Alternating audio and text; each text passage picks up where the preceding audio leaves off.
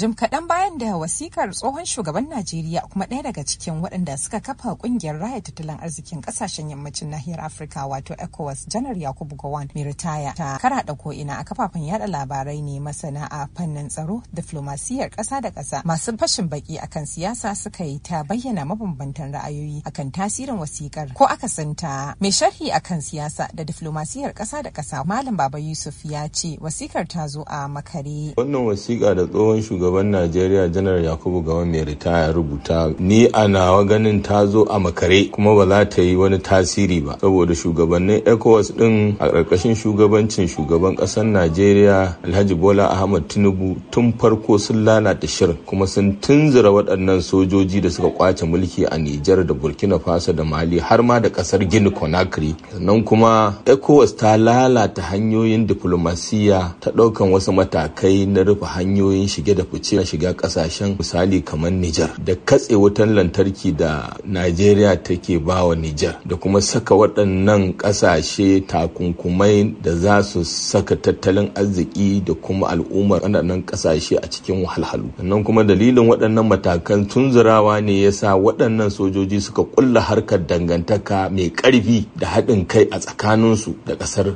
Rasha. A wani ɓangare kuma ƙwararre a fannin tsaro da diflomasiyyar ƙasa da ƙasa Malam Kabir Adamu ya bayyana cewa jaddada mahimmancin rayuwa da walwalar ɗan adam da janar Gowon ya yi zai iya taimakawa. Muhimmin abu dai wadda zan ƙara jaddadawa bisa ga wasiƙar da shi tsohon shugaban ƙasar Najeriya General Gowon ya rubuta ma su shugabannin ƙasashen shine inda ya jaddada muhimmancin rai da walwala na ɗan adam dukkan abin da ake yi da shugabancin da nema da gasunan dai duka saboda ɗan adam ne ake yi da walwalansa to kiran da zan yi masu wayannan shugabanni a wannan yanayi da ake ciki. Babu ɗaya daga cikinsu da zai amfana. Su ƙasashen nan uku mun ji kokensu. To amma ina son in jaddada musu abin da ya jawo wannan matsalar har ta kai yanzu shine rashin su hitar da jadawali na tsari wadda zai mayar da ƙasashen su cikakken mulki mai yanci in ma za a kira shi demokrasiya in ma za a kira shi menene? Amma dai su fitar da jadawali wadda zai nuna ma ƙasashe ba wai sun anshi mulkin nan ba ne saboda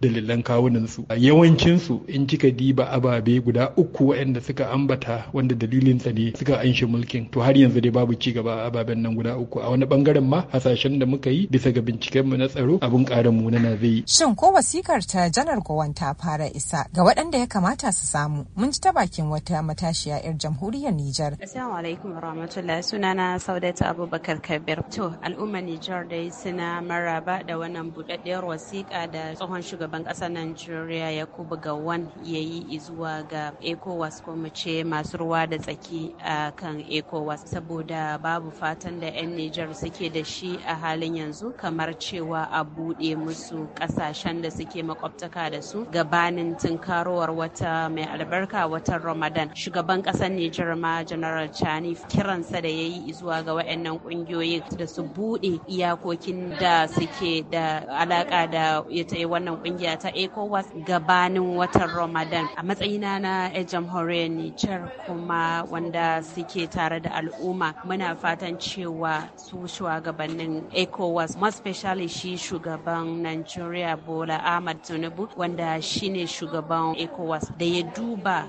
halin da al'umma suke ciki. Shi dai sulhu baya yiwuwa sai da tattaunawa a yadda tun farkon rikicin masharhanta ke ta ba da shawarwarin zama a teburin sulhu kafin abubuwa su gama damulewa gaba ɗaya. Halima Abdulra'uf murya Amurka daga Abuja, Najeriya.